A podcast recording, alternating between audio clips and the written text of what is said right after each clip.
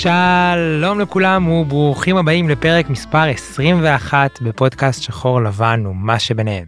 אני גיל בניסטי, יוצא החברה החרדית, ובשנים האחרונות יצאתי למסע בעולם שבו גדלתי.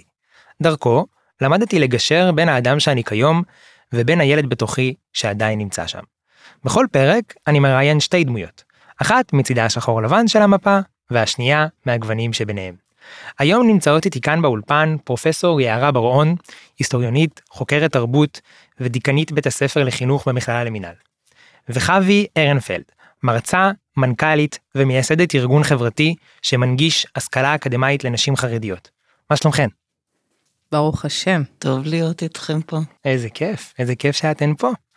ממש אה, מתרגש אה, לדבר על נושא כל כך חשוב, השכלה אקדמאית, ואני רוצה להתחיל איתך אבי את אה, גדלת בחברה הליטאית בעיר בני ברק באמתחתך ישנם שני תארים האחד במדעי החברה השני בייעוץ ופיתוח ארגוני את עוזרת כיום לאלפי נשים חרדיות בלימודים אקדמיים בואי ספרי לנו קצת על עצמך איך הכל התחיל. אה, איך הכל התחיל?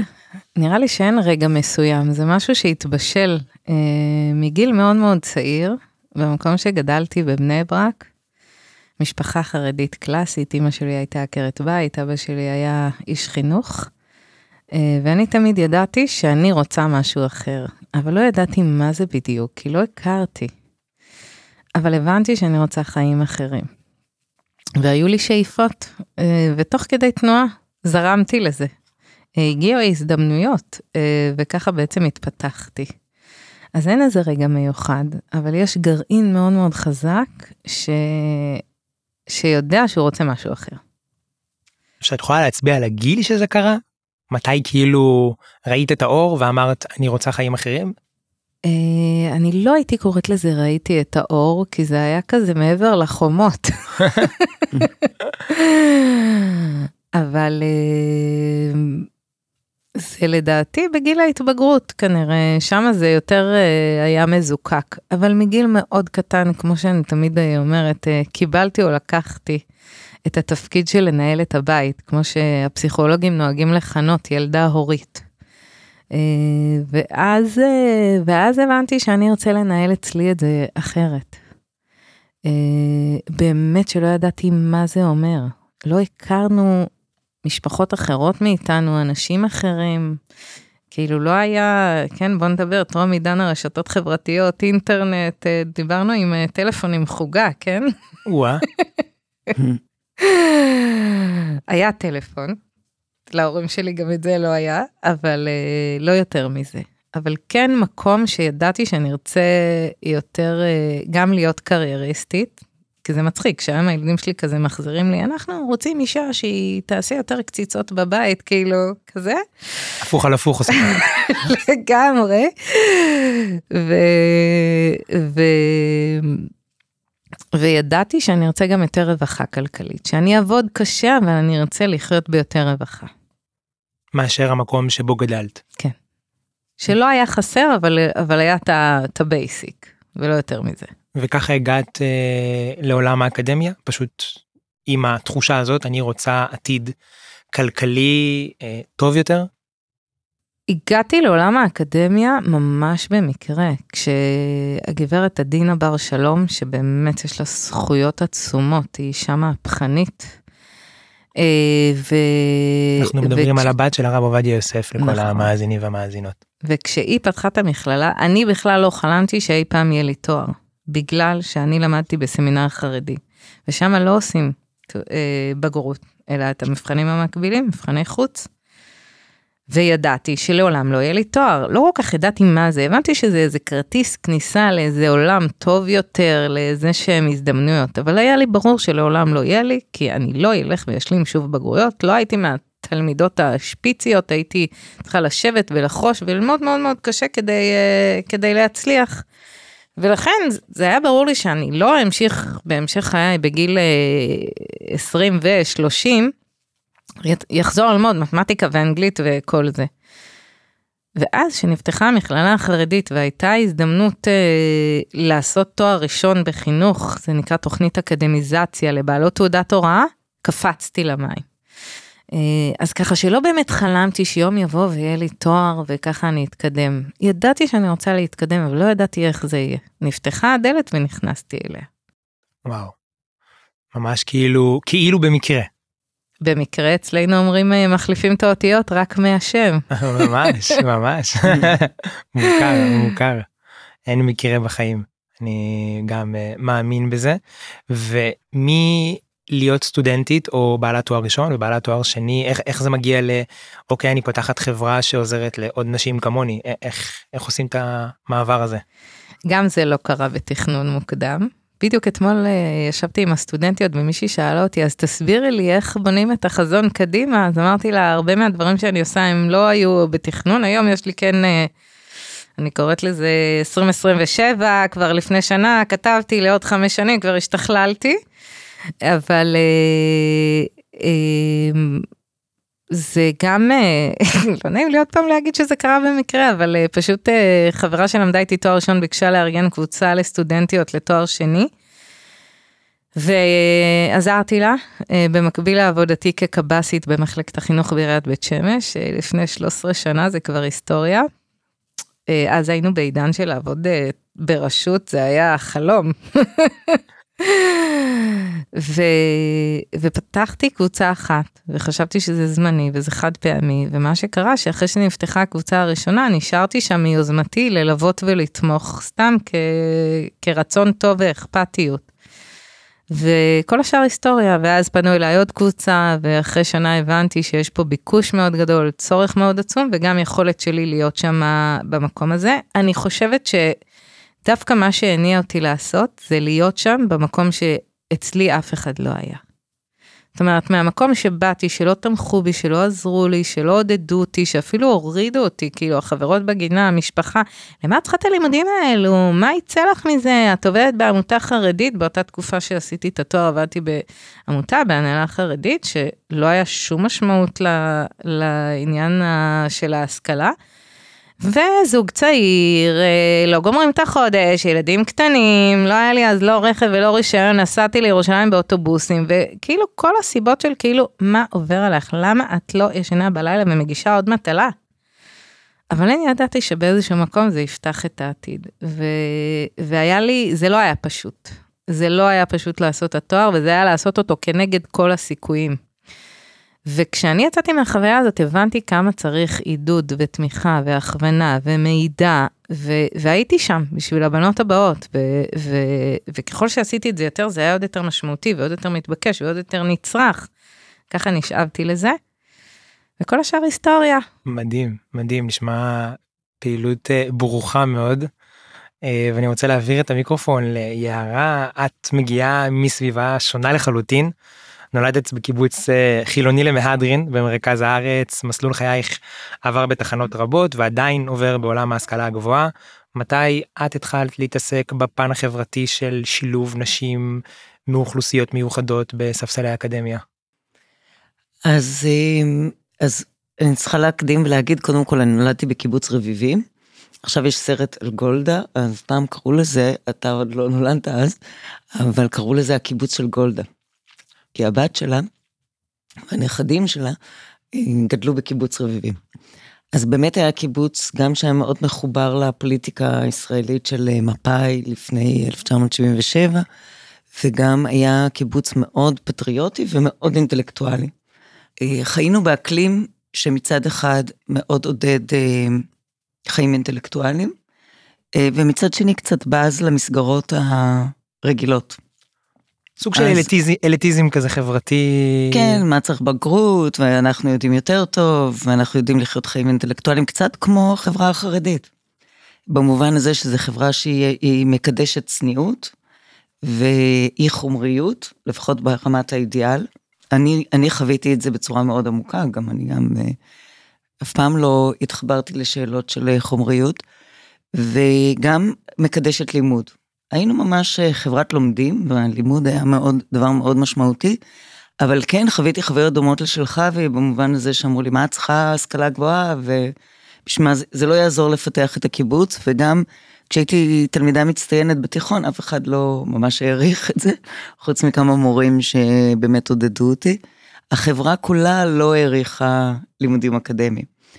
אמ, אז באמת עברתי מסלול של תואר ראשון, שני ושלישי, זה גם משהו שרץ במשפחה שלי, אני יכולה להגיד שאני בדור רביעי של אה, אנש, אנשים שגמרו, סיימו אה, דוקטורט באקדמיה. אה, בדורות הראשונים זה היה בגרמניה, לא בארץ, אבל המורשת נמשכה, ואני יכולה גם להגיד שלפני שהגעתי ללימודים אקדמיים, בגיל מבוגר יחסית, בגיל 25, לא חשבתי בכלל שאני אלך ללימודים אקדמיים, כנראה עוד בהשפעת החינוך הקיבוצי. ואז את מחדשת לי פה, אף פעם לא ידעתי שהחינוך הקיבוצי לא תמך במוסדות ההשכלה הגבוהה ואפילו בז להם, זה בעיניי חידוש אדיר, אני באמת, יש אנשים אולי שזה פשיטה בשבילם שמאזינים עכשיו. זה מאוד תלוי גם בתקופה, אבל אני יכולה להגיד לך שאבא שלי כאשר כחבר קיבוץ פנה להשכלה גבוהה וקיבל תקן באוניברסיטת בן גוריון, הצעירה מאוד, הוא היה בן... דן בר-און, אבי זכרו לברכה, והוא היה בין המקימים של האוניברסיטה הצעירה אז. אז אה, שאלו אותו כמה שעות אתה מלמד בשבוע, הוא אמר שמונה שעות. אמרו מצוין, זה יום עבודה, אז חמישה ימים בשבוע בבקשה תעבוד ברפת. בכלל לא הבינו מה זה השכלה גבוהה, והרבה מהאנשים שפנו להשכלה גבוהה כחברי קיבוץ, בסופו של דבר נאלצו לעזוב את הקיבוץ. וואו. כי זה לא, לא התאים. היום אני לא יודעת, אני לא רוצה לשפוט אה, היום את תל לא אביבית מן המניין. היום אני תל אביבית. אה, ב-40 היום, 40 שנה האחרונות. ואחרי שסיימתי את הדוקטורט הבנתי שאני מאוד רוצה להיות בחיים המעשיים ולא רק באקדמיה. והייתי בבית ספר מנדל שנתיים, בית ספר מנדל למנהיגות חינוכית, שאני באמת אה, חווה להם הרבה על התהליך שהם הפגישו אותי עם המערכת החינוך. עם, עם השדה החינוכי. זה היה לפני יותר מ-20 שנה. ולאחר מכן הייתי רקטור בבצלאל, ונסיעה באורנים. ושם התחיל המסע שלי עם האוכלוסיות שאני לא מכירה מהבית. אה, תמיד היה לי עניין בשוויון חברתי, כמה ש... אני אומרת את זה קצת בחיוך, כי זה נשמע אידיאליזם מופרך אולי היום, אבל מאוד הציק לי שכקיבוצניקית אולי אני פריבילגית. היום מדברים על זה הרבה, זה הציק לי אפילו כשהייתי ילדה. וחשבתי שהזכויות שיש לי כמישהי, אה, לא רק כבת קיבוץ, אלא, ושקיבלה השכלה מאוד טובה כילדה, אלא כמישהי באמת דור רביעי לדוקטורט, אני חייבת לחלוק את זה עם אחרים. אני לא רוצה להת... להיות מורמת מעם, אני רוצה להיות חלק מהחברה שבתוכה אני חיה. וההזדמנות הראשונה שלי בתחום ההשכלה הגבוהה הייתה כשרבקה אה, ורדי, אישה רבת, אה, רבת פעלים, וכן, וזכויות, אה, באה ואמרה, יש לי חלום, להקים בית ספר לאומנויות במסגרת בצלאל.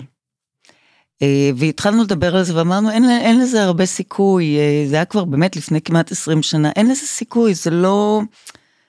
מי יממן את זה, איך זה ילך. נשים את זה בצד, אבל נזכור שאנחנו רוצות לדבר על זה.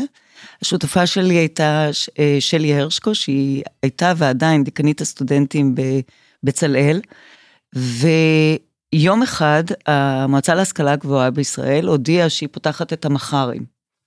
המח"ר היה אה, קמפוס שאפשר להקים אותו בסמיכות מקום לאקדמיה, אוניברסיטה או מכללה, והוא יכול אה, לפתח תוכנית לימודים על פי תוכנית הלימודים המקורית במכללה שאושרה על ידי המועצה להשכלה גבוהה. וישר יצרנו קשר עם רבקה ורדי.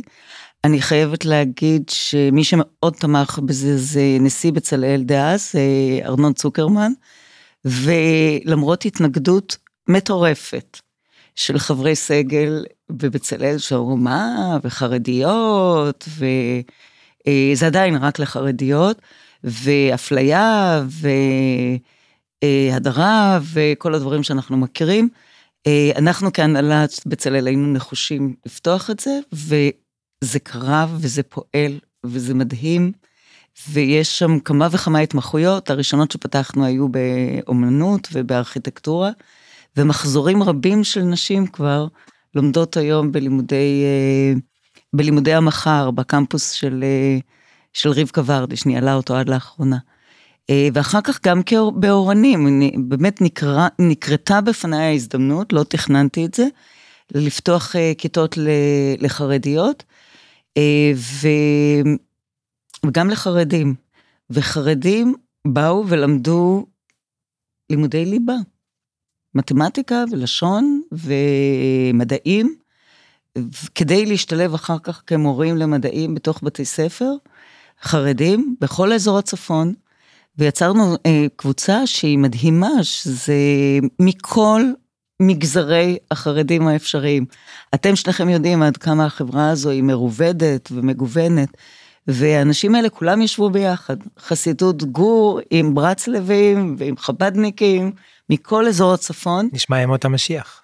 כן, וזה גם היה למרות התנגדות מאוד גדולה שספגתי אה, ביקורת מאוד קשה מחברים שלי באקדמיה, שהתלוננו איך אני עובדת עם חרדים כאשר נשים לא יכולות ללמד אותם, ואני גורמת להדרת נשים. אמרתי להם, תראו, המטרה של לימודי ליבה, קודם כל, היא מקודשת אה, בעיניי, וגם הזכות שעליה עוד נרחיב בהמשך, הזכות ללמוד. הזכות של כל אדם ללמוד ולפתח את עצמו, אה, בלי קשר לתרומה של זה אחר כך לחברה, אפילו רק בינו לבינו, היא דבר שאני צריכה לעודד בכל מקום שזה אפשרי. ובסדר, זה, זה שלבים, זה תהליכים, אבל זה לא מדרון חלקלק, זה לא פוגע בסלע קיומנו, לא האמנתי לכל, ואני עדיין לא מאמינה לכל הגישות האלה. גם כיום, בפעילות שלך במכללה למינהל? גם היום, כן, בוודאי. אני אשמח להרחיב על זה בהמשך, אבל במכללה למינהל, אה, אין, יש לי נשים, אין לי, אין לי חרדיות, אבל יש לי הרבה נשים אה, מכל הקשת הדתית עד, עד חרדיות שלא מוכנות ללמוד בלי הפרדה. ויש לי 40 אחוז בדואיות וערביות, גם גברים, גם סטודנטים בדואים וערבים, והם לומדים יחד עם חילונים ועם מסורתיים בכיתות מעורבות, ואני חושבת שכולם מרוויחים מזה המון. לחלוטין, אנחנו בתור חברה מרוויחים מזה, וכמובן גם אותם, אותם נשים ואותם אנשים. ורציתי לשאול אתכן מה לדעתכן הקשיים שנשים בכלל ונשים חרדיות בפרט נתקלות בדרך לתואר הנחשף מה, מה, מה הן כל כך שונות מ... לא יודע מאיזה מישהי מצה"ל או מרמת אביב ג' שרוצה ללמוד גם היא. אמ, וואו מצד אחד בסוף יש מכנה משותף אה, לנו כנשים שבעולם של היום עדיין. אה, עדיין לא, נשים לא נמצאות בעמדות המפתח באופן uh, מקביל לאוכלוסיית הגברים, uh, לא רק באוכלוסייה הדתית והחרדית, גם באוכלוסייה הכללית או החילונית, איך שנוהגים לכנות את זה. כמובן, במיוחד uh, בזמן האחרון. אז מעמד של נשים uh, תמיד נמצא מאחורה, ואנחנו uh, במאבק ארוך וממושך. כשאישה שמגיעה מחברה חרדית וחינוך חרדי, קודם כל, מגיל מאוד צעיר, לא חינכו אותה לשאוף לזה. זה כמו אישה חוזרת בתשובה, ש... שפתאום אה, מגדלת משפחה ברוכת ילדים והיא נקלעת לסיטואציה הזאת בלי שבאמת היא התחנכה לזה ודיברו איתה והכינו והיא ראתה את האימא או השכנה או הדודה, איך היא מג'נגלת עם שבעה ילדים. אז אני אומרת, באותה מידה, כשסטודנטית אה, חרדית מגיעה לעולם האקדמיה, אני נוהגת לכנות את זה מהגרת חברתית. וכשאתה מהגר חברתי ואתה מגיע לעולם שהמושגים, ההיררכיה, קוד הדיבור, קוד ההתנהגות, אה, הוא שונה, אז זה הרבה יותר קשה. החלק השני זה המצב של ה... אה, הקצה, זה מההתנגדות, וההתנגדות עדיין בשיאה. זאת אומרת, עדיין ההנהגה החרדית, הרבנים מוציאים פצ'קווילים, מקיימים כנסים, עושים הרבה כדי למנוע מאנשים מהחרדים בכלל, אבל אני בפוקוס כרגע על נשים חרדיות, אה, לצאת להשכלה. למה? מתוך חשש שההשכלה האקדמית, ואי אפשר להתכחש לזה, מביאה בתוכה דעות, אמונות, שהן אה, הרבה פעמים כפירה. אם אנחנו מדברים על זה כמו שזה, אה, כשלומדים פסיכולוגיה, צריכים להיחשף לתיאוריות שהן לא באות בקנה עם, עם התפיסה היהודית, איך נברא העולם. אז יש אנשים שיבואו ויגידו, לא קרה כלום, אז למדת תיאוריה אחרת, תנשמי ותמשיכי הלאה. החברה החרדית רוצה לשמר ולא להיחשף לדעות אחרות, זה המהות של הדרך, שאנחנו מאמינים שזאת הדרך הנכונה, ואנחנו לא רוצים לבדוק או לברר או לשאול מה אחרת. לכן יש את ההתבדלות וההסתגרות הזאת וההתכנסות, וזה שלא רוצים להתערבב, זה הלב והמהות. החלק השני בכלל, הרי מה זה האקדמיה? זה עולם של מחקר, זה עולם של סימן שאלה, אני זוכרת את החוויה הזאתי, שמעולם ברור שיודע מי ומה ואיך, כי מאוד ברור לנו מי ההנהגה שלנו ומי ברא את העולם, מגיעים לעולם של אקדמיה, וכל מה שהיה מבחינתנו עד היום הזה סימן קריאה, מזיזים אותו ומניחים סימן שאלה. הטלת וזה- ספק. מה זה? הטלת ספק. ואם אתה מטיל ספק, עד איפה אתה מגיע? מה מותר ומה אסור, ועל מי מותר להטיל ספק. ואגב, גם בלימודי יהדות ומקרא, החברה החרדית לא מוכנה לקבל את זה שאנחנו נדון על משה רבינו, האם ואיך, כמו שבחברות גם דתיות וגם אחרות אה, מנהלים שיח ומשווים בין משה רבנו לראש הממשלה לצורך העניין. זה לא, זה לא בכלל עומד באותה מידה. ולכן יש פה קודם כל לערער את היסודות של החינוך הבסיסיים, אה, שיש חשש ופחד שאנשים שנחשפים לזה ייפתחו בפני עולם שלא רוצים לפתוח אותם, ואולי ישנו את דעתם. ואנחנו יודעים שבשוליים זה עלול לקרות וזה קורה. אמנם המסות הגדולות היום ממשיכות, כמו שאני תמיד אומרת, אה, השם יראה, אה, אדם יראה לעיניים ו... והשם יראה יראה ללבב. אז אנחנו לא יודעים באמת, אנחנו היום במציאות של הסתרת פנים, אבל על פניו, לפי מה שנראה, ברוך השם, הבוגרות שלי ושל הרבה מקומות ממשיכות באותה דרך, וזה מבחינתי הניצחון הגדול. אז אם אנחנו מדברים קודם, יש להתנגדות הזאת מקום מעבר לזה שהאקדמיה בסופו של דבר אה, פותחת שערים, ללכת לעבוד במקומות לא חרדיים, אה, זאת אומרת באיזשהו מקום כל המהות של להתבדל ולהסתגר ולהיות אנחנו יחד איתנו ולא להכיר או להיחשף או להתערבב, היא קורית, אי אפשר אה, להתעלם מזה.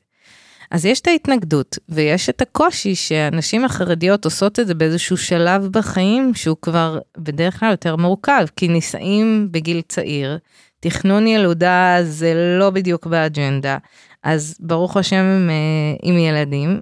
אה, תוך כדי, אה, המצב של הפרנסה לא תמיד פשוט, כי אם הבעל הוא אברך או ללא לימודי ליבה, גם אם הוא יצא לעבוד, האפשרויות שלו מעטות. בדיוק. ואז היא צריכה להתמודד ולהתחיל אה, ללמוד תואר, לנסוע הרבה פעמים בתחבורה ציבורית, כי להרבה מהאנשים אין רישיון נהיגה. תוך כדי שנות הפריון, ילודה וכל מה שכרוך בזה, ותוך כדי עבודה, כי אם את כבר אימא לכך וכך ילדים, את צריכה לפרנס. וללמוד ו- ולהחזיק את כל מה שצריך להחזיק, אבל הנשים שלנו הן נשות חיל ברמות שהלסת נשמטת. אשת חיל מי ימצא. ממש. זה, זה מדהים אותי כל פעם מחדש. ומה הפתרונות שאת מציעה להם? איך את עושה להם את הדרך קלה יותר? אה, אז קודם כל אנחנו עושים אה, התאמה בלוחות הזמנים. אני אומרת, יש לוח שנה יהודי ויש לוח שנה חרדי. טוב. ולוח השנה החרדי הוא מקפיד יותר, ואני אתן דוגמה. למשל, אה, כשאנחנו מדברים על צומות בלוח השנה היהודי, אז אנחנו שמים דגש בעיקר על צום תשעה באב ויום כיפור, זה רוב האוכלוסייה אה, על זה. אבל יש לנו עוד צומות במהלך השנה, והאוכלוסייה החרדית בחלקם מאוד מקפידה לצום. אגב, גם פה זה דרך אגב מתחלק, חסידים אה, נוהגים שנשים לא כל כך צריכות לצום, כי בשנות הילודה פחות, ואצל ספרדים למשל מאוד מקפידים, מקפידים על על זה. הצומות. אז אם עושים בחינה, יום אחרי צום, סתם י"ז בתמוז, עשרה בטבת, כן, מי, מי מאיתנו מתעכב? אנחנו רובנו עובדים בכלל לא עם הלוח היהודי. אז uh, מקשה על הסטודנטית את הסיכוי להצלחה, בעוד שאם רק נשב עם לוח השנה היהודי ונגיד, אוקיי, את הבחינה הזאת נקדים בשבוע או נדחה בשבוע, הסיכוי שלה להצליח הוא יותר גדול. אם אנחנו מסתכלים על לוח השנה היהודי ואנחנו מבינים שאישה חרדית, הסטנדרטים והמחויבות שלה בתקופות האלו, אה, שאני קוראת לזה פורים פסח, ששם באמת הציפייה החברתית והעול והאחריות להתמסר להכנות לפסח, באוכלוסייה הכללית פסח אומר, זר פרחים, לשטוף את הבית, חבילת מצות ונוטלה, וחגיגה. כמה בקבוקי יין וזהו, סיימנו את. הסיפור. בעולם החרדי יש קודם כל הקפדה על לבאר את החמץ. ולבאר את החמץ זה אומר מהמגירה הכי נסתרת ונשכחת אי שם. כל הבית בנייר כסף. בדיוק. לפחות מהבית של. ההורים. ו- וכאן נכנס גם ההקפדה ההלכתית שאי אפשר לזלזל בה. יש פה הקפדה הלכתית של בעל יראה ובעל יימצא והולכים על זה עד הסוף. ונוסף להכל, יש גם לחץ חברתי, ואי אפשר גם להתעלם ממנו. בסוף יש איזושהי תחרות סמויה, שיש בה גם דבר מאוד מקסים. אבל כל אישה חרדית צריכה שהחלונות והדלתות והארונות והמדפים, הכל יעבור ריסטארט, שדרך אגב זה בכלל נהדר בחיים של היום בוודאי, וזה תמיד כיף לרענן את הבית. אה, אבל יש חודש שאנחנו קוראים לו חודש של חלוק אקונומיקה, והרבה מהאנשים, אני לא רוצה להכליל, אה, בחלק מהשעות של היום באמת מקדישות את הזמן לעשות את הריסטארט הזה ואת הניקיון פסח, אז, אז התקופה הזאת היא תקופה יותר עמוסה עם יותר מחויבות. אה, בטח כשיש הקפדה הלכתית על להחליף את כל הכלים ולקנות את הכל בצורה מהודרת שגם המלח הוא כשר לפסח, זה הופך את האירוע ללוגיסטיקה הרבה יותר קשה ומורכבת. אז את מסדרת להם את לוח השנה מחדש. אז אנחנו בודקים בלוח השנה ואנחנו פשוט מראש עושים תכנון אה, יחד עם הצוות, זה לא אני בעצם הסגל האקדמי הוא, אבל בהמלצתי או בהכוונתי שאנחנו שמים על זה פוקוס, אנחנו יודעים ל, אה, בעצם לתכנן את זה באופן שמותאם יותר למגזר. וזה מבחינתי מה שחשוב. מעבר לזה, אנחנו מקור של תמיכה ועידוד. אם סטודנטית לא ישנה בלילה כי היא הגישה מטלה, והיא תרים טלפון לאימא שלה והיא לא תבין מה, מה עשית, לא הבנתי, למה לא ישן, אני יכולה להגיד, זה לא בלוח הערכים. מעולם לא הרמתי טלפון לאמא שלי להגיד לה וואי לא ישנתי כל הלילה אל תשאלי, זה, זה בכלל לא היה בשיח. היא לא הכתובת. היא לא הכתובת, היא לא תבין את זה, זה, זה לא, זה באמת לא. אז אם אותה סטודנטית קמה מתוסכלת, עייפה, אולי אה, לפעמים אפילו קרתה איזה תקלה טכנית, ואחרי שהיא לא ישנה כל הלילה היא גם לא הצליחה להעלות את זה כי, כי נפל לאינטרנט או משהו, רוצים רגע לשתף בן אדם שיכול להבין את העולם הזה. ואנחנו שם הכתובת, יש לנו צוות שלם כשאני אומרת אנחנו, יש לנו היום כעשרה עובדים עם uh, תפקיד מרכזי של רכזת סטודנטיות. תמיד אני מספרת שכשהקמתי את העסק לפני 12 שנים, הייתי מאוד חדשה בעולם העסקים, באתי מבית ששכירים ובכלל לא, זה לא היה בתכנון, כמו הרבה דברים. וכשאני נכנסתי די מהר, ככל שהמיזם הזה התרחב והיו לנו עוד ועוד סטודנטים, הכנסתי סטודנטיות, הכנסתי רכזת סטודנטיות למשרה מלאה, וכל היועצים העסקיים שהיו עוברים איתי, היו אומרים, אנחנו לא מוכנים לרכיב שכר הזה, תורידי אותו, זה לא כלכלי, זה לא משתלם. יש לך אה, כאילו אה, יועצות לימודים שמגייסות תלמידים, הן מצדיקות עצמם, אבל להחזיק מישהי משרה מלאה, ואני יודעת שזה הלב של העסק שלי. מדהים. וזה הסיפור פה, שאותה רכזת קמה בבוקר ומרימה טלפון מיוזמתה, מה שלומך, מה נשמע, מה קורה, איך הולך. עכשיו, אני קוראת לזה חוק הפרטו, 80-20. 80 אחוז עולות על הכביש, פחות או יותר דברים מסתדרים, איכשהו יש להם את היכולת האינטלקטואלית, המצב היציב בבית וכולי, כדי לשרוד. ה-20% של הסטודנטיות מעסיקות אותנו 80% מהזמן. זאת אנשים שברוך השם זוכות ללדת תוך כדי הלימודים, או קורים משברים במשפחה, או גם שמחות, גם לחתן או להרס ילד או ללדת, זה עדיין תמיד אה, מצב אה, משברי. ואנחנו שם, כי אם אותה אישה לא גדלה בסביבה שהיא שמעה ככה, כמו שאומרים בשולחן שבת או בשיחות אה, אה, ערב, אה, שמישהי ילדה ויש לה זכאות להיעדר או להגיש מטלה יותר מאוחר, היא לא יודעת שיש לה את הזכות הזאת.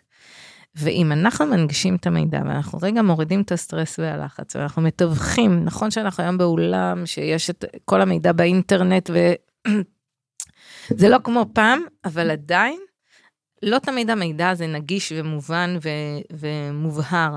אז מילה טובה, לפעמים תיווך, לפעמים עצה איך לתכנן את עצמך אה, מבחינת אה, אה, מתי לעשות את המטלות, זה ההבדל בין הסטודנטית שתסיים את התואר לבין מי שלצערנו תנשור. מדהים, מדהים. אני רוצה רגע להוסיף אה, שהעניין של נשים הוא נורא נורא חשוב. ואני מלאת השתאות תמיד מהיכולות של אה, נשים בחברה החרדית, גם לנהל משפחה, גם להיות הרבה פעמים מפרנסת יחידה או מפרנסת עיקרית, וגם ללכת ללימודים. אני פשוט לא מבינה איך הן מכניסות את הכל ל-24 שעות, אבל זה לא רק היכולות הלוגיסטיות שלהן, זה, ה... זה באמת המסירות והתשוקה. אני, אני באמת מסתכלת עליהן, בכלל אני מסתכלת הרבה פעמים על נשים בהשתאות, כי יש פער נורא גדול בין המאמץ והחריצות והכישרון והיכולות של נשים ובין המעמד שהן מקבלות בחברה. אני גם מלמדת פמיניזם ומגדר, אז אני רואה את זה לאורך ההיסטוריה, אני גם היסטוריונית. ו, ו, ובחברה החרדית זה נורא בולט, כי הן לא יכולות למשל להיות נציגות החברה לכנסת. הן מוכנות לוותר על המון, להקריב המון מהיכולות הציבוריות שלהן. אני מאוד מקווה שזה ישתנה. אני צופה שינוי אה, מאוד בקרוב. אה, שוב, אני לא נביא ואני לא בן של נביא, ואומרים שמי שנביא היום הוא כנראה שותה, אז אה, תקראו לי לא שותה, אבל אני צופה אני שינוי. גם, אני מאוד מאוד אשמח לראות את השינוי הזה, ואני חושבת שכאשר אתה מגיע לאנשים עם השכלה, ואולי זה חוזר לשאלת ההתנגדות, כאשר אתה נותן לנשים השכלה, אתה פותח להם פתח שלדברים שהן לא יודעות לשער שיקרו, כמו שקרה לחוי. לחלוטין. ומקודם את הזכרת יערה, פמיניזם, מגדר, ואי אפשר שלא לדבר על הפיל שבחדר, שזה בעצם לב ליבה של המקום הזה של השכלה חרדית אה, אה, לנשים אה, אה, אה אקדמאיות. אה, הפרדה, זה כאילו את מקודם אמרת שמבחינתך אה, בניגוד לחברייך אה, בבצלאל, אני מאמין שגם מעולם האקדמיה הרחב יותר, שהם התנגדו נחרצות, את אמרת שמבחינתך זכות האדם הוא ללמוד, ואם האדם, האופי למידה שלו הוא חייב להיות בהפרדה, אז זה מה שנעשה, אבל אי אפשר גם שלא לדבר על המקומות האלה של האנשים שרואים בזה איזשהו מדרון חלקלק, וכן הייתי רוצה להרחיב קצת על הנושא הזה ברשותך.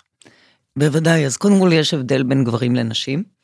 מכיוון שנשים יכולות uh, ללמוד אצל גברים ואצל נשים, אז הרבה יותר קל לדבר על נשים, אין שם הדרה, כולם יכולים ללמד אותם. נכון שלימודים בהפרדה הם לא דבר שהיה מועדף עליי, זה לא הייתה הדרך שאני הייתי רוצה, כי אני רוצה לראות, כמו בכיתות שלי, מגוון. אבל, אם יש חברה שזה עקרון יסוד שלה והיא לא יכולה לשלוח את בנותיה ללמוד אלא בהפרדה, אז אני צריכה לעבוד עם נתוני, אני צריכה לעבוד עם המציאות. ובמציאות הזו לאפשר להם את הזכויות שלהם ללימוד, שזה הזכות הראשונה. אני מאוד מקווה שככל שהחברה הזאת תהיה פתוחה יותר, למשל בתואר שני הם לא יכולים בגלל חוקי המועצה להשכלה גבוהה, הם לא יכולים היום ללמוד בהפרדה.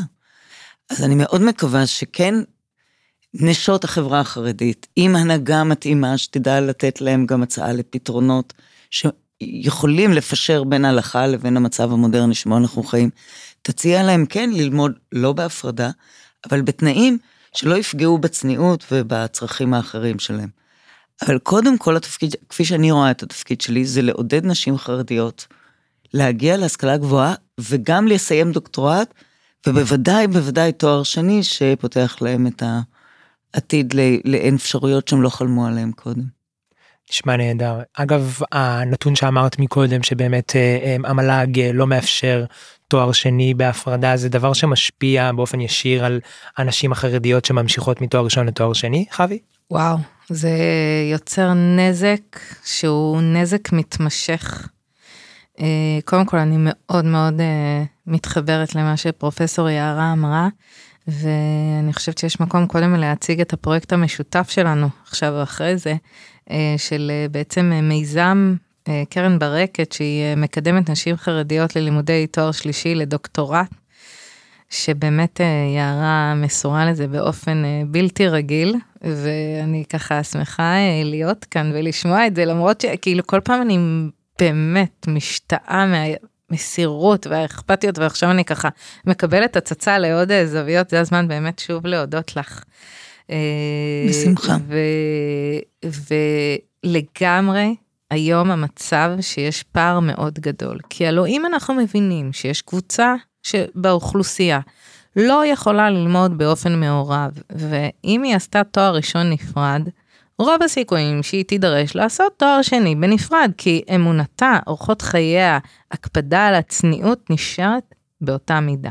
אז זה נכון שכן אנחנו רואים שיש נשים שאחרי תואר ראשון מרשות לעצמם יותר, אבל המספרים מדברים בעד עצמם.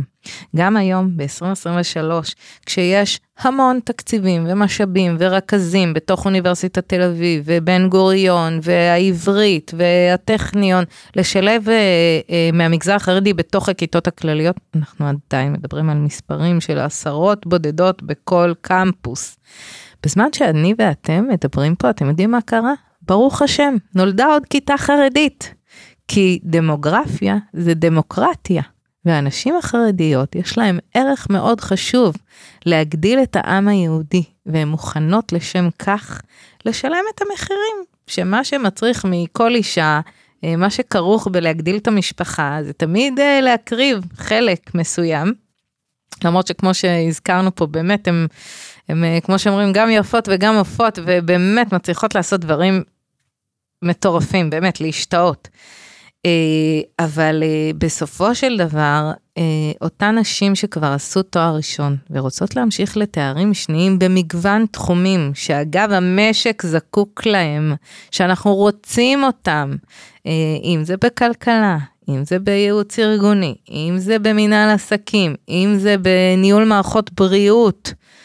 אין היום לאישה חרדית נורמטיבית במדינת ישראל שרוצה ללמוד את זה, אגב, גם אם הם באים ואומרים בואו לא נעשה את זה במוסדות המתוקצבים, שאני לא מסכימה עם זה, אבל בואו נלך עוד קצת. בואו נאפשר את זה במוסדות הפרטיים, לא על חשבון משלם המיסים כביכול, וגם את זה לא נותנים. ואיך ידוע אני... ידוע מה הסיבה שהם לא נותנים? מה, מה, מה התשובה של, ה, של החברים בוועדה שאחראים על זה? שיש עתירות בג"ץ במשך שנים נגד התוכניות הנפרדות, שכמו שהזכירה פרופסור יערה ברון, שבגלל, זה התחיל עם זה שבעצם נשים לא יכולות ללמד גברים. אז היו עתירות שלא תיווצר אפליה, אבל מי שמכיר את האוכלוסייה החרדית מבין שאסור להתייחס לנשים ולגברים אותו דבר, כי יש פה פערים מאוד מאוד גדולים, גם הלכתיים, וגם מעשיים, נשים לומדות לימודי ליבה, הפוטנציאל שלהם להתקדם ולהצליח ואחוזי הנשירה שלהם יותר נמוכים. זה נכון שכממשלה וכחברה והפילנטרופיה עסוקים בלהעלות את מספרי הגברים שצריכים לעבוד ולהשתלב בתעסוקה ויש פערים מאוד גדולים, בעוד שנשים חרדיות, אחוזי התעסוקה שלהם כמעט זהים ומקבילים לאוכלוסייה הכללית. אנחנו מדברים על 80 אחוז מול 50 אחוז פחות או יותר. נכון, אבל מה שלא מתייחסים, וזה הסיבה שאני ואנחנו שם, זה שרוב הנשים החרדיות בלואו-טק, בשכר מאוד נמוך. יש פער מאוד גדול בין הפוטנציאל האינטלקטואלי, השאיפות, החלומות והרצונות של אותה סטודנטית, של אותה אישה, לבין היכולת שלה לממש. והיום בעצם באים ואומרים, אה, את רוצה להתקדם? עשית תואר ראשון, את רוצה להתקדם? בואי תבחרי, או שתשלמי באורח חייך ומצפונך ודתך שלא מאפשר לך, או שתישארי רק בעולם של חינוך. למה? גם זה היום, כי יש מכללות דתיות לחינוך שמשחר ההיסטוריה יש להם קמפוסים נפרדים, זה סוג של סטטוס קוו, אז שם אפשר uh, לתת להם ללמוד, או שיש במדינת ישראל בערך, uh, לא יודעת, שתי כיתות של אה, אופציות אחרות. למשל, אה, תואר שני בתרפיה, יש אה, לאוניברסיטת חיפה שלוחה בבני ברק, ויש שם כיתה או שתי כיתות בכל מדינת ישראל, הרי אחוז הגדילה של האוכלוסייה החרדית משנה לשנה גדל במספרים הכי בסיסיים, אחוז הנשים שהשלימו תואר ראשון גדל, אין הלימה בין הדברים. ואז בעצם דוחקים את אותם נשים להמשיך לתואר שני, לא תמיד במה שמתאים להם, לא תמיד במה שהן רוצות, כי אין להם ברירה. לי היה תוכנית בשיתוף פעולה עם המסלול האקדמי המכללה למינהל לתואר שני בייעוץ ארגוני, אה, לפני שיערה הייתה שם. תוכנית מקסימה, הגיעו לנו נשים חרדיות מכל הארץ, הייתה לנו אימא ל-19 ילדים שנסעה מצפת לראשון לציון, מנהלת בית ספר אישה מדהימה. ועוד, באמת, מכל הקשת, תוכנית נהדרת, נשים שרצו בסך הכל להתקדם, להתפתח, שאגב, גם אחר כך מבחינה מקצועית זכותן לפתוח עסק עצמאי ולייעץ רק לנשים, והכל בסדר. והתוכנית הזאת נסגרה, ועד היום, הנה אנחנו יודעים, ואני בודקת את זה כי אני בקשר, אין כמעט נשים חרדיות שהולכות ללמוד את המסלול הזה נפרד, יש אחת בשנה, שתיים, ואנחנו מפסידים, אנחנו מפסידים נשים שרוצות להתקדם, הרי בסוף כולנו רוצים שותפות בתשלומי המיסים, בהשכלה, בצבא, בתעשייה. ואם אנחנו לא נאפשר את זה ולא נפתח את זה, זה לא יקרה. מהצד השני, אני גם מבינה את החשש. אני מאוד מבינה את המקום. של ההידרדרות, של הפחד, שהכל יהפוך להיות נפרד. אה, ואף אחד, כמו שאמרת, נבואה ניתנה לשוטים, אף אחד מאיתנו לא יודע לשים אצבע ולהגיד איפה עובר הקו הזה, איפה אנחנו יכולים לבוא ולהגיד, אוקיי, נאפשר לאנשים החרדיות וזה לא יפגע בנו. אבל בעיניים שלי, אני קוראת לזה להכריע את המסות. אם אנחנו יושבים ומדשדשים כבר עשור, כבר עשור, אני בתוך התחום הזה 12 שנה, שנה אחרי שנה דוחים עוד תוכניות ועוד תוכניות ועוד בקשות, ומצלצלות אליי סטודנטיות מתחננות, תפתחי לנו תוכנית כזאת, תפתחי לנו התמחות כזאת ואני לא יכולה. אז אנחנו באמת עושים פה נזק שהוא על חזור, הוא על חזור ואנחנו כחברה משלמים. אה, ואני חושבת שלכבד את השני זה לכבד אה, בכל צורה. זה לכבד את השני בכל המובנים ולאפשר לנשים שרוצות ללמוד בנפרד, זה כמו אישה שרוצה ללכת לפילאטיס או יוגה בנפרד, ואני חושבת שפה בתל אביב יש מספיק סטודיואים שהם רק לנשים, ונשים הפנימו והבינו שאשכרה יותר נעים להם להיות שם לבד, בלי נוכחות של גברים, וזה בסדר גמור. ומי שרוצה תלך לסטודיו מעורב ו- ותהנה גם שם. אבל אם אנחנו יכולים להפנים ולהבין שלאותם נשים יש צורך להיות במקום הזה, ויותר נוח ונעים להם להיות, באותה מידה האישה חרדית, גם מהצד ההלכתי וגם מהצד האישי. ואגב, פונות אלינו לא רק נשים חרדיות, יש לנו נשים מסורתיות וחילוניות שמצלצלות ואומרות, אנחנו רוצים ללמוד בתוכנית הנפרד, כי אנחנו רוצים ללמוד בתוכנית של נשים, נקודה. וזה בסדר גמור, וזה בסדר גמור. זה גם דמוקרטיה דרך אגב. לחלוטין, לחלוטין, ואני מקווה באמת שיהיה שינוי אה, בקרוב אה, בדבר הזה.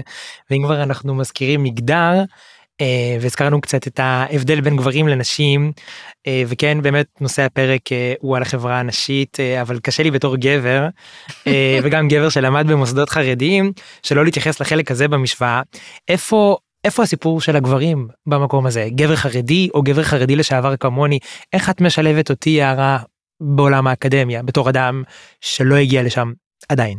אני תכף רוצה להגיב על הדברים שחווי אמרה, אבל השאלה שלך היא מרתקת. אני קודם כל, ליבי יוצא אל כל מי שיוצא מהחברה החרדית. אני חושבת שיש לנו אחריות אה, חברתית לקלוט את האנשים ולאפשר להם אה, להיקלט בחברה הכללית באופן שמתאים להם. אני, יש לי ממש צמרמורת מהמחשבה, כמה הייתי רוצה לאפשר לאנשים שלא למדו לבגרות, שלא למדו לימודי ליבה, ויש להם בטוח שלל כישרונות ויכולות ותשוקות ושאיפות, והייתי רוצה לעזור להם, שיש לי אחריות לעזור להם. אני כל הזמן חושבת איך אני יכולה בתוך המכללה למינהל להקים תוכנית לחוזרים בשאלה, והרבה פעמים חזרה בשאלה אנחנו יודעים, ואתה יכול לספר לנו את זה יותר טוב, איזה התמודדויות קשות ואיזה אתגרים ולכל כך הרבה שנים ויש הרבה פעמים טראומות שנסחבות מהילדות. אה, אני, אני רואה את זה כחלק מהשליחות שלי ואני כרגע לא מדברת על גברים חרדים אלא על גברים שמוכנים לבוא וללמוד במכללה למינהל. אני מאוד מאוד רוצה לקבל אותם. ואני אגב רוצה לקבל, בעיות שחווי הצביע עליהן קודם, הן בעיות שקיימות גם באוכלוסייה הכללית, גם אוכל, כל אוכלוסייה זקוקה לתיווך. ואם מישהו בילדות שלו לא למד כמו שאנחנו מלמדים באקדמיה, והוא זקוק ליותר תיווך, זכותו לקבל את התיווך הזה, והרבה מהעבודה שלי כדיקנית בית ספר לחינוך, הוא לתת תיווך לאנשים שהם דור ראשון להשכלה. כי הם לא בורחו בהורים או בסבא וסבתא שיכולים להגיד להם, תשמע זה הדבר הנכון ועכשיו תיקח את זה וכדאי לך ללמוד בחוג אה, הספציפי המסוים הזה במכללה הזו, כי ההורים מכירים את השדה והם עברו את אותה חוויה, הם לא עברו את החוויה הזו. אז המחויבות לדור ראשון להשכלה היא משהו שהוא קיים במגזרים רבים, אני מרגישה את המחויבות הזו גם לגבי הסטודנטים הבדואים שלי וגם לגבי החוזרים בשאלה וגם לגבי כל מגוון הילד... הילדים, הסטודנטים, שאני רואה אותם באמת כילדים שלי. יפה. יפה, אהבתי. אבל באופן ספציפי לחוזרים אה, בשאלה על, על מגוון הסוגים, מבחינתי זה ממש לא משנה איזה אמונות יש להם ובמרחב הפרטי מה הם עושים. ברגע שהם נתקלו באיזשהו מחסום, ברגע שיש להם מצב של הגירה חברתית או תרבותית, אני רוצה להיות שם כדי לעזור להם. ועוד כמה מילים על העניין של ההפרדה. אה, העיקרון הגדול שאנחנו צריכים לבחון בו זה מה זה שוויון. מה זה עקרון השוויון. עכשיו בסדר, בג"ץ יתייחס לזה והמקטרגים יקטרגו והנואמים ינאמו והמשוכנעים ישתכנעו. אני לא אכנס עכשיו לכל הדיונים, אני קצת, כן, אני קצת אה, אומרת את זה במידה מסוימת של תסכול. אני, הגדרת השוויון אצלי היא שאנחנו יכולים להשיג שוויון על ידי הפרדה, כי שוויון הזדמנויות, לתת שוויון הזדמנויות לנשים שרוצות ללמוד, אה, וזו הדרך היחידה שלהם להגיע ללימוד, שוויון ההזדמנויות ביחס ללימודים עולה מבחינתי על אה, בחינות אחרות של אה, עקרון השוויון. עכשיו אני רוצה לתת ממש בקצרה שלוש דוגמאות. סבתא שלי למדה בסמית קולג', שהיה במהלך החצי הראשון של המאה ה-20, קולג' לנשים בלבד. קיבלו אותה כיהודייה, זה סיפור אחר, מוזר אה, כשלעצמו, כי כן הייתה עם זה בעיה, אבל היא הלכה לקולג' לבנות. אז מה הבעיה? אחרת, אתה, יודע, היו שם, רמת הלימודים הייתה מאוד גבוהה. אה, מחקרים מראים היום, במשך עשרות השנים האחרונות, שיש סיטואציות רבות שבהן נשים לומדות טוב יותר כאשר הן בקבוצות נבדלות, מופרדות. כי יש נטייה גם למורים אה, לתת לגברים לדבר יותר מאשר לנשים. כי יש נטייה לנשים להתכנס, להתחבא, להיות מופנמות, כאשר הן צריכות לדבר בכיתה, כי מכל מיני סיבות שאנחנו נפרט אותן כאן, הן לא נוטות לדבר בקול רם או לחלוק את המחשבות שלהן, וזה לא אומר שהן לא, פחות חכמות. אז יש הרבה מאוד יתרונות בלימודים בהפרדה עבור נשים. ברגעים מסוימים, לא בכל מקום, ואני כן מקווה שבמקביל לזה שיאפשרו ללמד לימודים בהפרדה בתואר שני, קבוצות גדולות ונפתחות, יותר ויותר נשים חרדיות, כן יגיעו ללימודי תואר שני בלי הפרדה. שני התהליכים האלה יכולים לקרות במקביל, כי תמיד תהליכים אה, הפוכים, מנוגדים, דיכוטומיים, קורים במקביל, ואנחנו צריכים לאפשר את כולם, בגלל זה אנחנו חברה פלורליסטית וליברלית. מעניין, מעניין. נעשה דיון חשוב. הבא לבג"ץ, נביא את אהרון ברק, אה, נדבר על אה, ערך השוויון. אה, אם כבר הזכרת נאומים, יערה, לא מזמן צפיתי בנאום שלך שערכת בכנס במוזיאון תל אביב, אותו פתחת בדבר תורה במילותייך, לעולם יהיה אדם רך כקנה ואל יהיה קשה כארז. ואת אה, פרשנת את זה שעלינו להיות גמישים אה, ופתוחים לשינויים ובאמת אה, פלורליסטים ורק ככה נוכל להיות מלוכדים כחברה ובימים אלו שבאמת הפילוג והפירוד בחברה הישראלית שוברים שיאים האם לדעתך עולם האקדמיה יכול לבוא ולגשר על, ה, על הפערים האלה בין המגזרים השונים? זה הרבה תלוי באנשי האקדמיה וזה מה שאנחנו מנסות לעשות פה אנחנו מנסות לייצר תיווך אה, כדי שעולם האקדמיה יפתח את עצמו ואת ליבו ויהיה רך כקנה ולא קשה כארז. אה, לפעמים זה הולך בקלות. אני יכולה לתת לך דוגמה, אתמול פנתה, אה, יש לי דיאלוג עם נשים שבאות, ל... כל אחת שרוצה להתחיל לעשות דוקטורט, אני קודם כל עושה את הפגישה של שעה בזום. פנתה אליי מישהי שרוצה לעשות אה, דוקטורט בהוראת המתמטיקה. פניתי למכון ויצמן, לחברים שלי שם, והיא באמת מצאה, ויצרנו לה את התיווך המתאים, והיא מצאה מישהו שיכול להיות מנחה נהדר, ויכולה לקבל מלגה, מאוד, מלגת קיום מאוד יפה, אבל המלגת קיום הזו לא תספיק לה. כי היא מפרנסת יחידה או עיקרית. אה, אני לא מזכירה פה שמות מטעם צנעת הפרט, אבל מדובר במישהי שרוצה לעשות דוקטורט בהוראת המתמטיקה, והיא עובדת בבית ספר אה, של בנות, בית ספר חב"ד של בנות. זה דבר נפלא. אבל המוסד שאליו היא פנתה לא יכול לאפשר לה, הוא לא מוכן לאפשר לה לעבוד במקביל לדוקטורט. זאת אומרת, לקחי מלגת קיום. עכשיו, עבור הבת שלי שעושה דוקטורט, היא איכשהו יכולה להתפרנס ממלגת קיום של 6,000 או 8,000 שקל בחודש. כי אימא שלה עוזרת לה, וכי אה, החיים בסדר, אין אין לה עדיין ילדים. אבל מישהי שמפרנסת משפחה שלמה לא יכולה להתפרנס מ-8,000 שקל לחודש. עד שאותן מוסדות אקדמיים לא יכירו בכך שבשם חוק חופש העיסוק, ייתנו לנשים האלה להתפרנס, כי הן צריכות לפרנס משפחה. וחבל מאוד שלא תעשה את הדוקטורט שלה בהוראת המתמטיקה, ואחר כך אולי תיצור גישה אחרת לגמרי להוראת המתמטיקה או מלימודי ליבה בבתי ספר של חב"ד. ואולי יום אחד זה לא יהיה רק לנשים, אלא זה יהיה גם לגברים, כי יכול להיות שהיא תוכל להדריך דור שלם של סטודנטים גברים ללימודי מתמטיקה, אם יום אחד ייתנו לאישה ללמד גברים את הוראת המתמטיקה. אז יש פה המון תהליכים, ואנחנו חייבים לשכנע את המערכות לאט לאט, עוד לא הצלחתי לשכנע את מכון ויצמן, לאפשר לה לעבוד במקביל למלגה שהוא נותן לה, אבל אני כל הזמן עובדת על זה, איך אנחנו מרככים. עכשיו, התקופה הזו היא נורא נורא קשה, כי יש המון אנשים עם כעס מאוד מאוד גדול, אה, הדדית.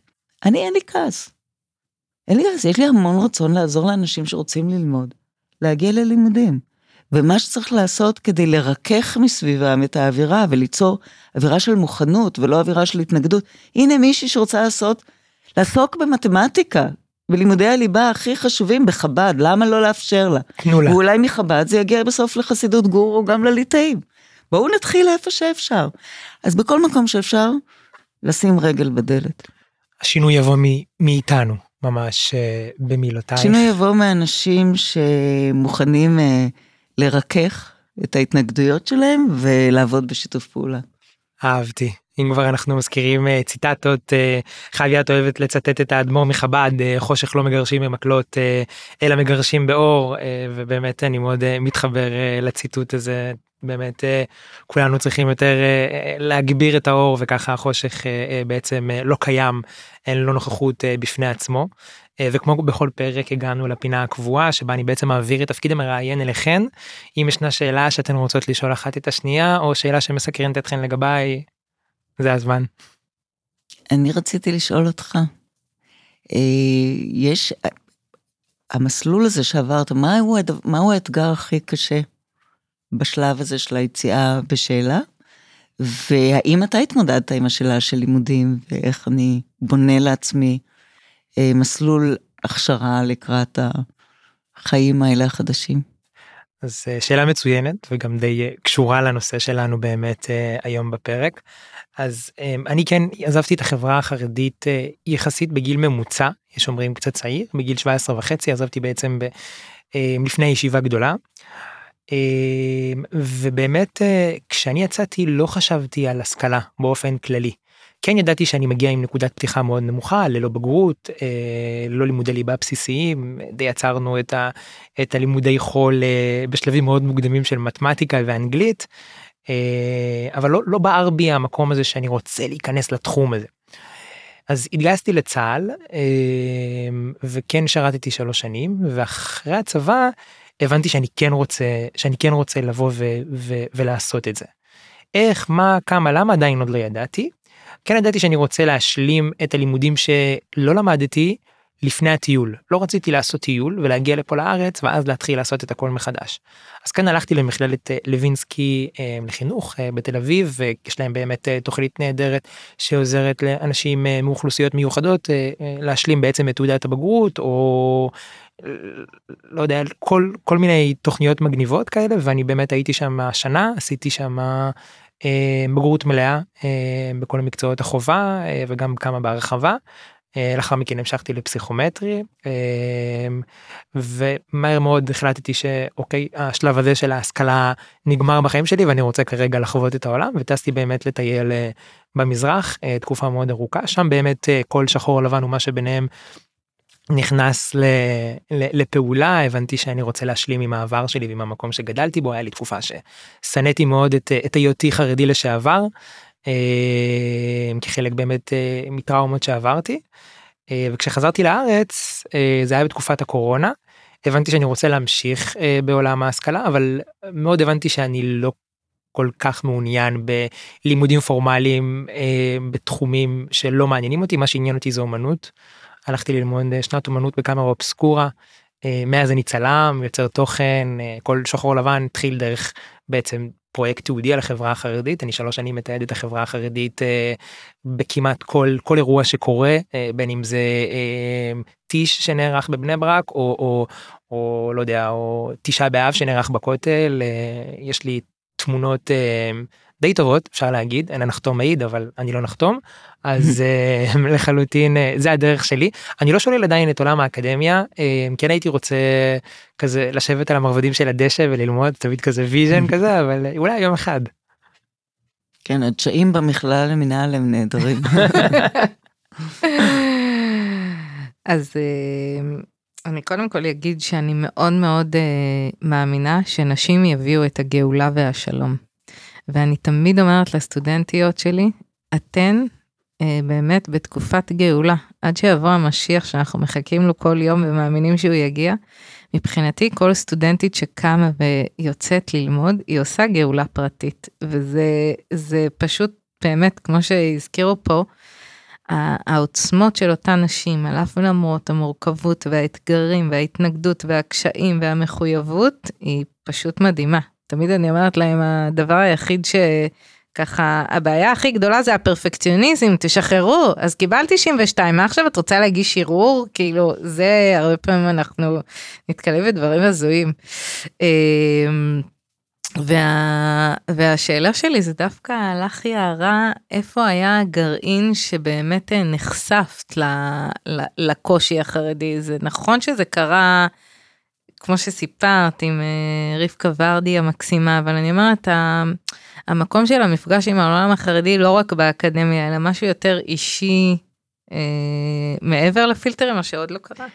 קודם כל אני מזכירה לך שאנחנו נפגשנו פעם ראשונה במוזיאון ישראל, ישבנו כשעוד עבדתי בבצלאל וישבנו במוזיאון ישראל ופעם ראשונה שחשבנו איך אנחנו יכולות לעשות משהו ביחד, זה היה לדעתי ממש כשהתחלת לפני יותר מעשר שנים. אה, זהו, את צריכה ככה לגלגל חזרה כן, את... כן, אני צריכה להיזכר, אבל נפגשתי עם כל כך הרבה. זה היה מאוד מאוד מרשים, כן, אז עוד לא מצאנו את השילוב הנכון. אמ, אין לי קשר עם העולם החרדי, זאת אומרת, זה לא משהו אישי. אה, אני, יש לי הרבה אנשים שאני מכירה שהיו בעולם החרדי, היו לי סטודנטים שעזבו את העולם החרדי, וגם בבצלאל וגם באורנים, וגם היום אה, במכלל למינהל. אבל החיבור שלי הוא לא, אין לי, אין לי אפילו ברקע, כלומר, אפילו המשפחות שלי העתיקות, אבות אבותיי ואימהותיי, באו ממשפחות ליבר, ליברליות שכבר היו אה, מתבוללים בגרמניה לפני יותר ממאה שנה. זה לא חיבור, החיבור האישי הוא מאוד מאוד עמוק, אני נורא מתעניינת ונורא מכבדת את החברה הזו. אין לי שום הסתייגות ממנה, אני, אני לא יודעת, כנראה באיזשהו אופן רוחני. אני מחוברת אליה, זה לא היה חיבור אישי, זה לא היה בן אדם אחד שהצית לי את ה... אבל המפגשים שלי בעיקר עם אנשים בעולם אחריהם, תמיד עוררו בי הרבה מאוד כבוד והרבה מאוד רצון אה, להכיר יותר ולפגוש. והיום כשאני אני מראיינת או, או נפגשת כל שבוע בזום לפחות עם שתיים או שלוש סטודנטיות פוטנציאליות שרוצות להמשיך לדוקטורט. והקשר שנוצר בשעה פגישה הזו הוא קשר נורא עמוק. אמ, זה נורא מעניין אותי איך הן חושבות, וכל אחת היא עולם ומלואו. וכל אחת יכולה להגיע, יש לה תשוקות ושאיפות ויכולות שהיא רוצה לממש, היא ממש מרגישה, והיא רוצה לעשות את זה בשביל הילדות שלה, כדי שהן כבר לא יהיו דור ראשון להשכלה. זה דברים שהם ממש מצמררים ומרגשים, אני מרגישה שיש לי איזה חיבור מאוד עמוק לעולם הזה. באותה מידה יש לי חיבור מאוד עמוק לסטודנטיות הערביות שלי, אז uh, אני חושבת שבמה ש, שחונכתי עליו, המקום שבו גדלתי, באמת, כל הכבוד להורים שלי, זכרם לברכה, זה שבאופן עמוק חינכו אותי להיות מסוגלת לראות מעבר לגדרות הקיבוץ. וואו. באיזשהו, באמת, אפילו לא בצורה מילולית, הסקרנות והפתיחות לזולת שהוא לא אני, והרצון לעזור לאנשים שלא בורחו בתנאים שאני בורחתי בהם, זה משהו שינקתי אותו מגיל מאוד צעיר כנראה, לא מהקיבוץ, מההורים. וואו, זה מרתק. מוריד את הכובע פה באמת. להורים שלי. ריגשת. להורים, להורים כמובן, להורים ולקיבוץ אה, רביבים במרכאות. אה, לסיום, מה, מה עצה הטיפ שלכם אה, לאישה חרדית, אישה מאוכלוסייה מיוחדת שרוצה להשתלב ב, ב, בעולם ההשכלה? מה, מה עושים? מה, איך מתחילים? חוי תתחיל ואני אמשיך. אז קודם כל אני רוצה רק להתייחס למה שאמרת, אני נוהגת לכנות את זה הנמכת חומות. אני חושבת שככל שאנחנו היום מקבלים קצת מידע, כל אחד על המגזר השני, אגב, גם המגזר החרדי מקבל הרבה מידע על האוכלוסייה הכללית עם אה, פילטרים שלא תמיד מציירים את זה הכי טוב ונעים. אה, ואז באות אליי הסטודנטיות החרדיות ואומרות, וואו, המרצה הזאת פשוט יצאה מגדרה ועזרה לי. אה, וזה מרגש אה, דו צדדי, ואני קוראת לזה הנמכת חומות, כי אנחנו באמת באמת, אה, כשאנחנו רגע נסיט את הרעש, והתקשורת לצערי הרב מחפשת את הצהוב ואת המפלג, כי אין מה לעשות, זה מביא רייטינג, אני יכולה להבין אותם, אבל אני כואבת את זה שאנחנו עסוקים בעיקר במפלג ובקצוות ובקבוצות שוליים, ש... זה לא נכון, זה, זה, זה נכון לא לתת לזה לקרות, אבל לא לשים על זה פוקוס לא פרופורציונלי, כי קורים גם בעת הזאת, כשביקשו מכמה בנות להתכסות באוטובוס, שזה נורא ואיום. אבל אני אומרת, מהצד השני, בו זמנית, מתרחשים כל כך הרבה דברים טובים ויפים, וארגוני חסד חרדים, ובואו נזכיר רגע גם את המהפכה הזאת של הצלה וידידים וזקה ועזר מציון ויד שרה, והמון המון חיבורים ודברים טובים שקורים. אה, והטיפ שלי לאותה סטודנטית אה, אה, ברוח הקיץ, אני תמיד אומרת להם, זה כמו שמגיעים לבריכה בתקופת הסתיו בעיקר, והמים קרירים, והרבה פעמים יש איזו מחשבה, וואי, לא בא לי להתרטב, והמים קרים, ובוא נשב רק על שפת הבריכה, כי אין לי, אני לא רוצה את הרגע הזה של המים הקפואים. אבל uh, מישהו בא מהמשפחה ודוחף אותך, או שאת מחליטה, כי את רואה כבר את כולם נכנסים, ואת אומרת, יאללה, אני נכנסת, זה קרה לי עם הילדים לפני כמה ימים. Uh, וכשקופצים למים ונכנסים, יוצאים אחרי שלוש שעות ואומרים, וואו, איזה כיף שלא השתכנעתי לשבת על שפת הבריכה והתרטבתי והיה לי כיף. מזל אני... שעשיתי את זה. אז אני קוראת לזה... א', תקפצי למים, תתחילי לשחות זה יסתדר, ואני קוראת לזה גם מודל נעשה ונשמע. אה, כשקיבלנו את התורה בהר סיני, הרי הציעו את התורה לכל האומות, והיהודים מה באו ואמרו? נעשה ונשמע. קודם אנחנו נקיים את התורה, ואחרי זה נשמע מה זה אומר, ובינינו עד היום תרי"ג מצוות, אנחנו דנים למה התכוון המשורר, מה זה אומר התרי"ג מצוות, ויש פרשנות וגישות וכולי. אני אומרת, גם פה בלימודים, קודם תחליטי שאת לומדת, אחרי זה הכל יסתדר, וכשאני פוגשת את הבוגרות והן מספרות לי, נכנסתי ללימודים תוך. תוך כדי קורונה, אתמול ישבתי עם, עם כמה סטודנטיות והן אה, שלוש אחיות נרשמו ביחד ללמוד תואר שני, שזה חוויה בפני עצמה. אה, והיא אומרת, אחותי בדיוק אה, הייתה בעיצומה של קורונה מאוד קשה, ואני פשוט ביקשתי מבעלת הכרטיס אשראי ושילמתי את המקדמה, היא בכלל לא הייתה מספיק ערנית, והיום מסתכלות בדיעבד, סיימו את התואר והתקדמו, ואני אומרת, לקפוץ למים, להחליט שאת בוחרת ללמוד, ואחרי זה זה הרבה יותר מסתדר ממה שזה נראה ונשמע. הכל נראה מרחוק מאוד מפחיד, מאיים, אה, לא מוכר, לא ידוע. כולם כמוך, שזה נקודת פתיחה מאוד חשובה. זה חלק מהיתרון של הקבוצות שלנו. כולן באות עם אותו רקע, עם, אותה יד, עם אותו ידע, עם אותו עולם מושגים. את לא מרגישה שונה. אה, וכשמתחילים, הדברים מסתדרים. מדהים. נקפוץ למים. את גם שם, יארה? גם לקפוץ למים, בהחלט, וגם תאמיני בעצמך. כלומר, אין, אז האנגלית שלך לא נורא טובה, אז תשפרי אותה. ולא למדת לכתוב, אז תשפרי את הכתיבה. והמון המון המון לקרוא ולסכם. אין, אין תירוץ, ואת נורא עסוקה ואת צריכה לפרנס. אני מבינה את כל התירוצים, אבל אף אחד מהם לא צריך למנוע למידה, ואנשים, ויקטור פרנקל אמר, האדם מחפש משמעות. אישה מחפשת משמעות, ומה לעשות? גם עבור נשים, ככל, גם כשהמשפחה היא הדבר החשוב ביותר, הן מחפשות משמעות גם מעבר לגידול הילדים. וכל אישה, יש לה את הזכות למצוא את המשמעות הזו. אז תמשיכו לחפש משמעות, ולפעמים, לא תמיד זה מוביל להשכלה גבוהה או לאקדמיה, אבל אם האקדמיה היא מקום מתאים לכם, אל תיתנו לאף אה, גורם מעכב למנוע את זה מכם. נהדר, נהדר, ממש אהבתי את הטיפים, אה, באמת אה, היום לסיכום למדתי מכן כמה עולם האקדמיה מכיל בתוכו המון המון דברים, החל מקשיים שאוכלוסיות מיוחדות ונשים חרדיות עוברות וכמה דלתות הוא יכול לפתוח, אה, וזה רק עשה לי חשק יום אחד כן להיכנס אליו. אז אני רוצה להודות למרואיינות חוי ויערה שחלקו איתנו את הסיפור האישי ואת העולם המקצועי שלהן ולכם המאזינים והמאזינות שהקשבתם לו תודה רבה לאולפן בית אריאלה למריה רוזנבלט הטכנאית והעורכת הראשית אני הייתי גיל בניסטי ניפגש בפרק הבא.